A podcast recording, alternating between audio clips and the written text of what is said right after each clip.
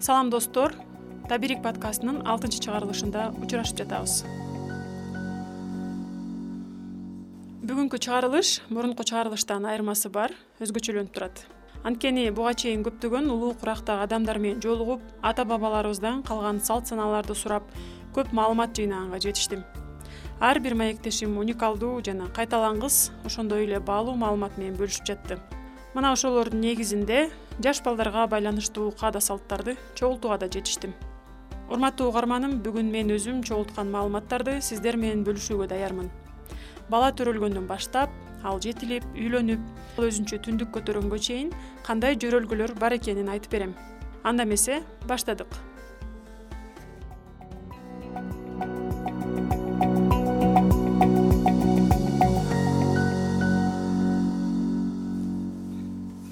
жарык дүйнөгө келген бала жети энем бар деп жерге түшөт экен. Өз энеси аяш энеси чоң энеси тай энеси кайын энеси өкүл энеси. Анан алардын эң эле алгачкысы бул киндик энеси болот экен. Наристенин киндигин кесип киндик канын жерге тамызган энени киндик эне деп коюшат экен илгертен ата бабаларыбыз ошондуктан киндик кан тамган жер анын абасы ыйык жана кымбат деп да айтылып калган ушундан экен киндик энени бала киндигин кесип кирин жууган үчүн ыраазы кылчу экен. Шартка жараша ага козу улак өңөртүп карындан май томуруп берип ун талкан берчү экен кездеме көйнөк кийгизчү экен. Же болбосо чепкен жаап ар кимдин өзүнүн колунда болгон мүмкүнчүлүгүнө жараша киндик энени сыйлачу экен. Азыр деле ал баланчанын киндик энеси сенин киндик энең ошол деген сөздөрдү угуп калабыз негизи дээринде бар адамдар менин киндик энем деп сыйлап турушат экен.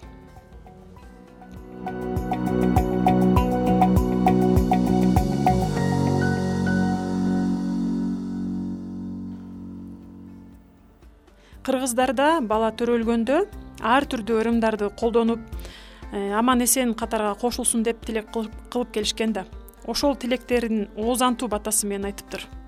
Бысмылда рахман ырайым оозуңа май салып турган умайым. Алты куйрук ашагын алтымыш аша жашагын жети куйрук ашагын жетимиш аша жашагын. Кызыл тилден таңдайлуу бол ырыскыдан маңдайлуу бол деген баталарды берчү экен. Бул жөрөлгөнү бизге мурдагы чыгарылыштагы маектешим таштанбай абдиев бөлүшкөн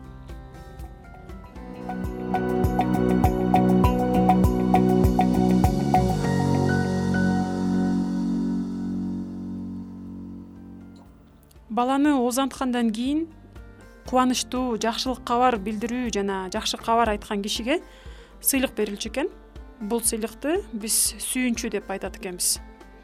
Мисалы бала төрөлгөндө же болбосо узак сапардан жортуулдан аман кайтып келгенде же болбосо бир жоготуп алган буюм мал табылганда башкаларга ушул жакшылыкты сүйүнчүлөп келишкен экен ата бабаларыбыз сүйүнчү билдирген кишиге белек же болбосо акча же болбосо мал тартуулап келишкен.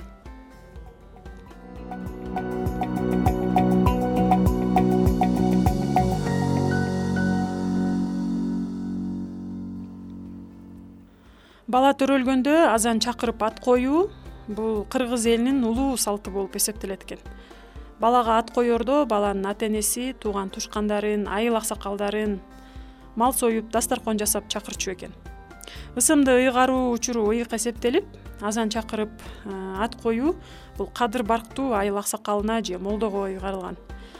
Азан чакырылып жатканда баардыгы короого чыгышы керек. Ата энеси баланы көтөрүп алып азан чакырчу адамдын жанына турушу керек. Анан азан чакырчу адам кыбланы карап туруп азан чакырып жер бетине адамдарга сүйүнчү айтып ат коет экен ал эми ат коюу асаны жөн эле сөздөрдөн турбастан ушу көркөм ыр түрүндө дагы болгон экен?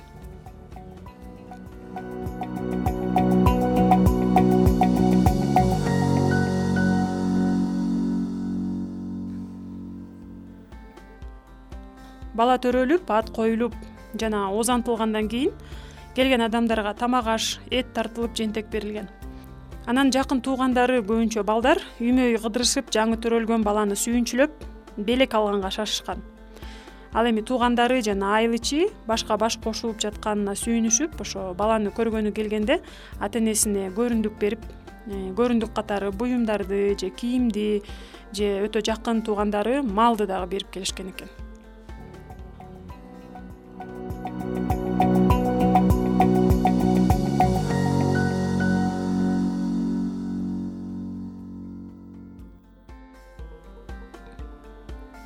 жарык дүйнөгө келген жаңы наристени уккандар барып көрүп мурдунан чымчып бетинен өөп анан көрүндүк берчү. Көрүндүктү оолаган адамга акча тыйын кийим кечектерди да сунуп коюшчу экен да. Мындай салт кыргыз элинде кенен жайылган баарыбыз эле билебиз азыркы учурда дагы сакталып калган купулуна толуучу бир көрүндүгү жок болсо же колунда акчасы же башка бере турган буюму жок болсо көрүндүктүү кийин берем деп дагы наристени көргөнгө мүмкүндүк берилген экен. Анан колунда бар адамдардан ушу көбүрөөк көрүндүктү доолап алуу дагы жөрөлгөсү илгертен бар экен. Мындайда сүйүнчүдөн жакшы саналаштары мисалы шар кетип көбүрөөк көрүндүк карматып баланын ата энесинин зоболосун көтөргөн дагы ушу көрүндүккө дагы мал дагы берип келишкен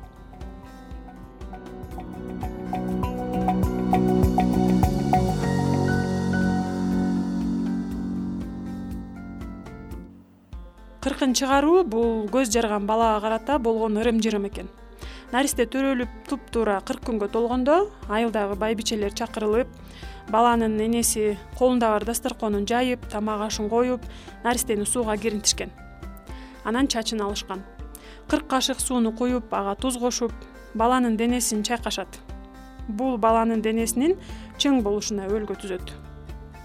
Анан эле ошол киринтип жатканда суу менен кошо тилек ырларын дагы айтып чоң апаларыбыз ырдачу экен. Бул салтты азыр да колдонуп жүргөндөр бар бирок баардыгы колдоно бербейт.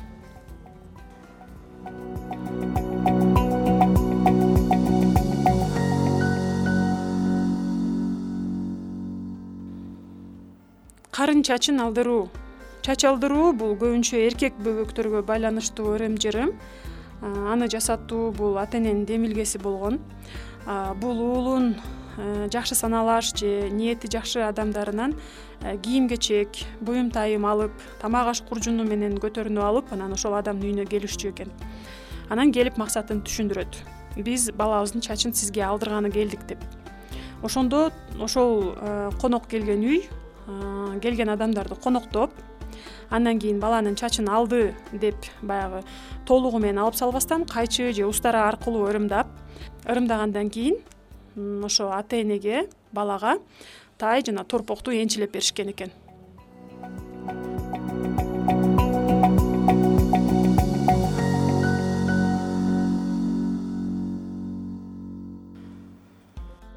Наристенин төрөлүшү бул үйдүн абдан чоң кубанычы. Анан кубаныч болгондон кийин сөзсүз түрдө бешик тойду дагы берип келишкен. Бешик тойго колдо бар малды союп келишкен ата бабаларыбыз тойго чакырылгандар мал көйнөк кече ороо чылгоо акча тыйын ырлошкон адатта баланын тайеке тарабы бешик алып келет экен.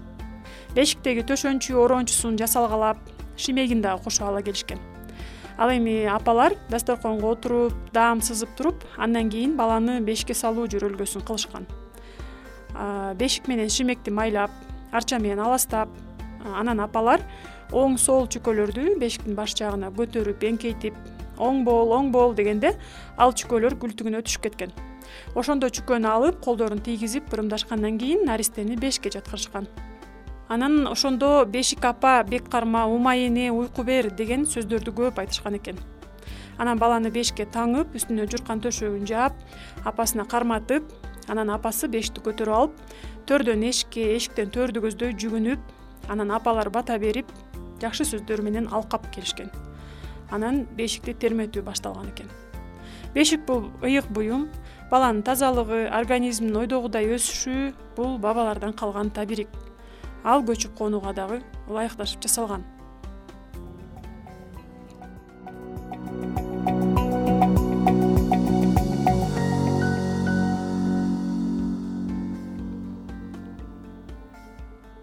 кыргыз эли илгертен эле бөбөктүн эмгектей башташы кас кас турушу баса башташы үчүн абдан камкордук көрүшкөн. Жаш келиндерге балдарын багууга тарбиялоого байбичелер бала багууга өтө жөндөмдүү аялдар жакындан жардамдашкан. Бала там туң баса баштаганда ага атайын чыгырык жасашып баланы чыгырык менен жетелеп бастырышкан. Муну кас кас тургузуу деп айтып коюшкан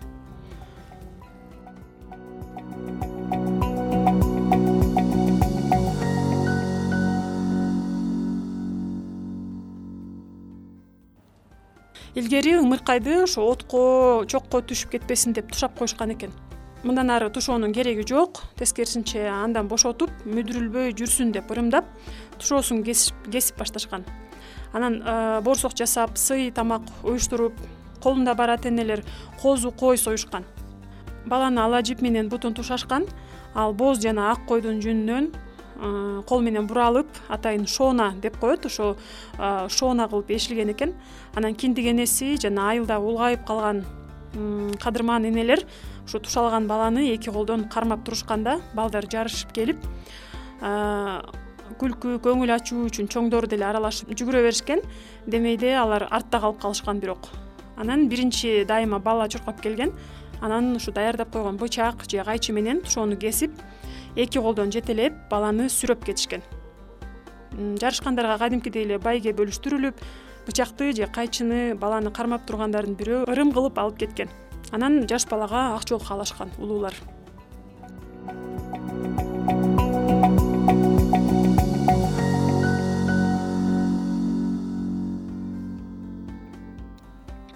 Үч беш жаш ортосундагы уулду мусулманчылыктын жышаанында ырымдатуу жөрөлгөсү дагы бар. Ага карата дагы той берилген. Аны ар ким алына жараша жасаган. Сүннөт той бул чоң той болгон жана бала отургузуу тою деп айтылып келген экен.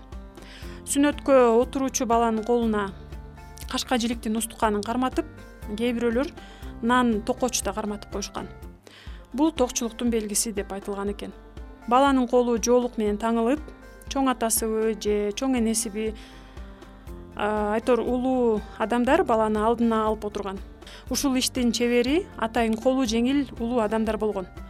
Ал баланын чочогун учкайра кош чий менен жанын өлтүрө кыпчып туруп анан белгилүү өлчөмүнөн чырт эткизип кесип койгон экен. Ырбап кетпеш үчүн илгери тезек көөңдүн гүлүн сыйпап коюшкан экен. Баланы андан кийин жылуу жайга кармашкан дагы анан ошо кесилген жер бат эле айыгып кеткен экен кыргызда баланы отургузуу ырымы азыр деле бизде бар. Сүннөт сүннөткө отургузуу деп аталат. Жана ата энелер буга жараша дагы тойлорду дагы өткөрүп келе жатышат.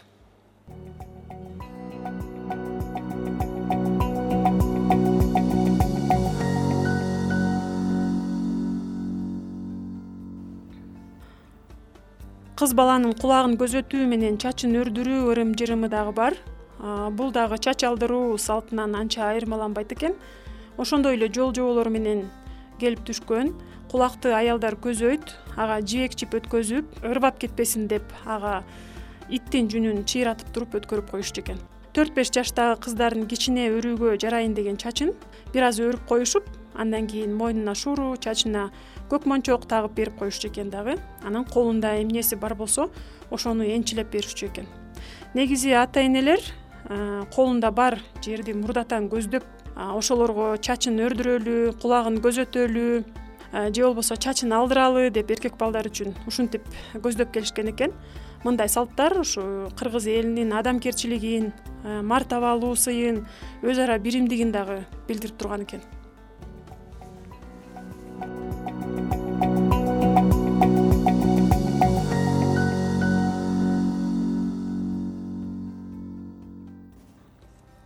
баарыбыз эле маани бере бербесек керек бирок кыргыз элинде илгертен мүчөл чыгаруу деген жөрөлгө болгон экен.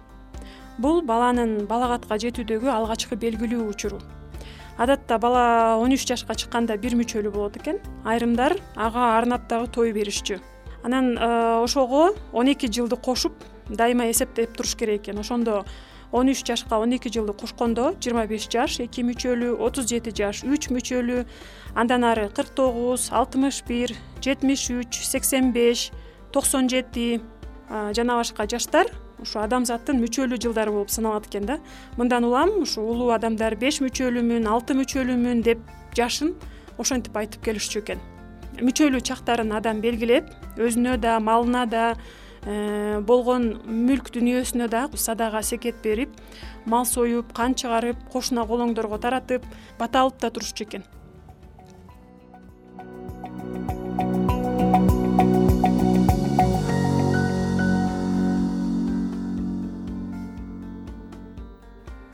Мурунку заманда чоң аталар чоң апаларыбыз көп эле туугандарынын башка жакын туугандарынын же алыскы туугандарынын балдарын багып алган деген учурлар көп кездешчү. Бул жөрөлгө болчу экен.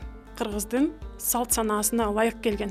Мисалы бирөөлөрдүн баласын бирөөлөр багып алуу бул негизи өзгөнү жат дебей баарына бирдей тегиз кыргыз эли пейили таза кенен бала асырап алууну салтка айлантып алышыптыр. Мисалы ага инилер эже карындаштар кыйыр туугандар багып алабыз дешсе бирин бири сыйлап андан баласын талашчу эмес экен. Наристени бербей койгондон ич ара таарынычтар да пайда болгон экен мурда дагы. Албетте наристелүү болгондор эркек бала көрбөгөндөр эркек кызы жалгыздар ушуларды жалгыздатпай бири бирине ага ини эже карындаш болуп өсүп чоңойсун деп өзүнчө боордоштук жардамдашуу үчүн асырап алуунун мааниси зор болгон дешет. Мындай салт боордоштордун жашоо тиричиликтерин ого бетер данакерлеп алардын ынтымагын дагы бекемдеген деп айтылат. Анан ушундан улам ушул баламдан топурак буйрусун деп э, ата энелер көп э, убакытта ушу балдарына ушундай тилектерди айтып мен баламдын алдында өтүп кетсем экен деген тилектерин айтып калышкан ушул салттан улам айтып калышкан деген ой пикирлер дагы бар экен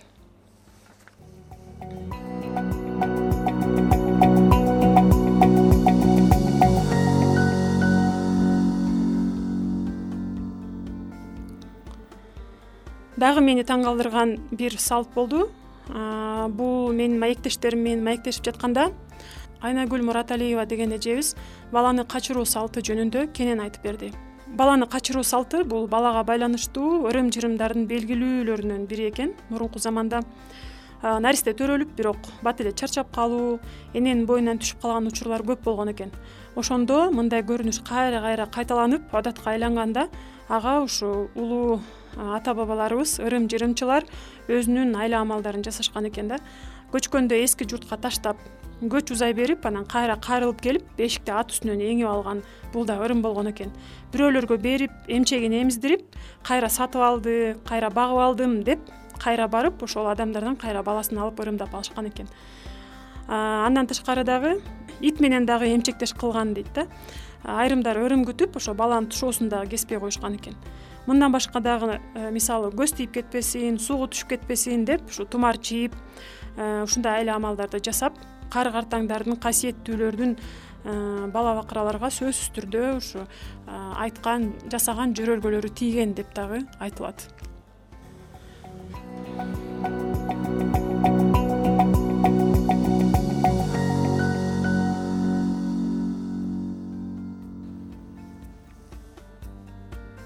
эмчектеш кылуу жөрөлгөсү бул эне сүтүн өз баласынан башка бирөөлөргө эмизүү.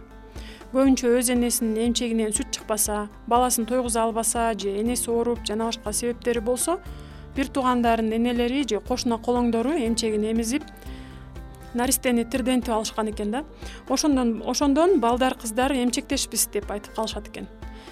Биздин салтыбызда эмчектештер албетте бири бирин кыйышпайт эмчек сүтүн берген энени сыйлашат мындай салт кийинки учурларда медициналык кызматкерлердин айтуусу менен көп учурда тыюуга салынып келинет бирок мурунку ата бабаларыбыз ушул жөрөлгөнү абдан баалап келишкен экен.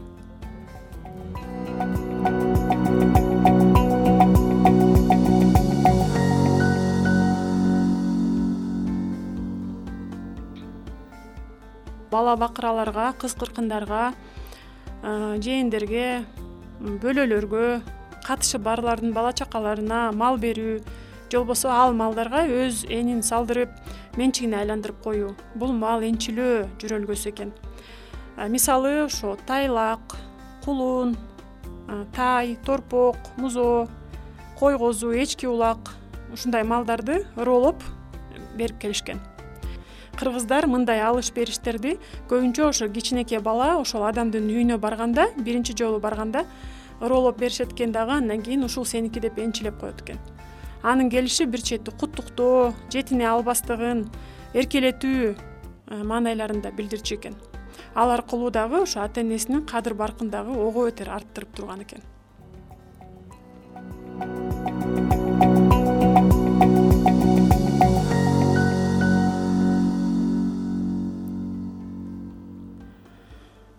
уул бала үйлөнүп өзүнчө түндүк көтөрүп түтүн чыгарууда. Ата эненин ага туугандын берген мал мүлкү бул энчи деп аталат экен. Мисалы музоолуу уй кулунду бээ он он беш козулуу кой улактуу эчки миниш үчүн аттарды дагы берип келишкен экен. Алыбек алына жараша деп мурдатан эле айтып келишкендей ошо энчилеп энчи бөлүп берүү бул ар бир адамдын өзүнүн байлыгына жараша жана мүмкүнчүлүгүнө жараша болгон. Азыр мисалы жашоодо жеңил машина менен дүр дүйнөнү түгөл жүктөп башка буюм тайымдарды да кошуп бергендер дагы аз эмес. Энчилөө бул үйлөнгөн уул келин өз алдынча жакшы жашоо куруп кетүүсүнө көрүлгөн бир чара деп дагы айтылат экен. Бул салт санааны мага маектешим турар абылгазиев дагы бөлүшүп кетти.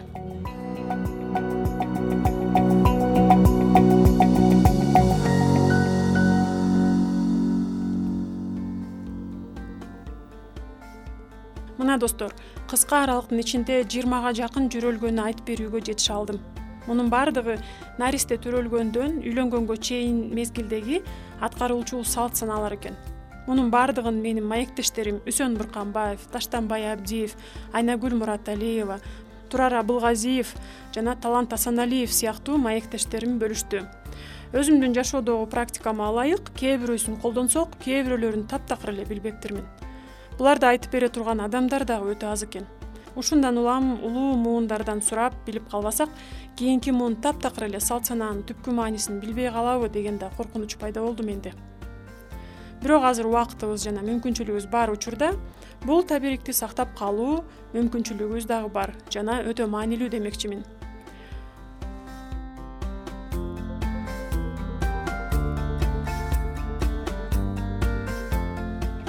Ушуну менен табирик подкастымдын алтынчы жыйынтыктоочу чыгарылышы аягына жетти. Табирик подкасттын экинчи сезону бир канча убакыттан кийин улантылат ар бир мезгилди жана адамды убагында баалап барктап алалы. Табирик подкастты сорос кыргызстан фондунун колдоосу менен ишке ашты. Мазмундагы ой пикирлер фонддун көз карашын чагылдырбайт. Сиздерди урматтап айзада калканбекова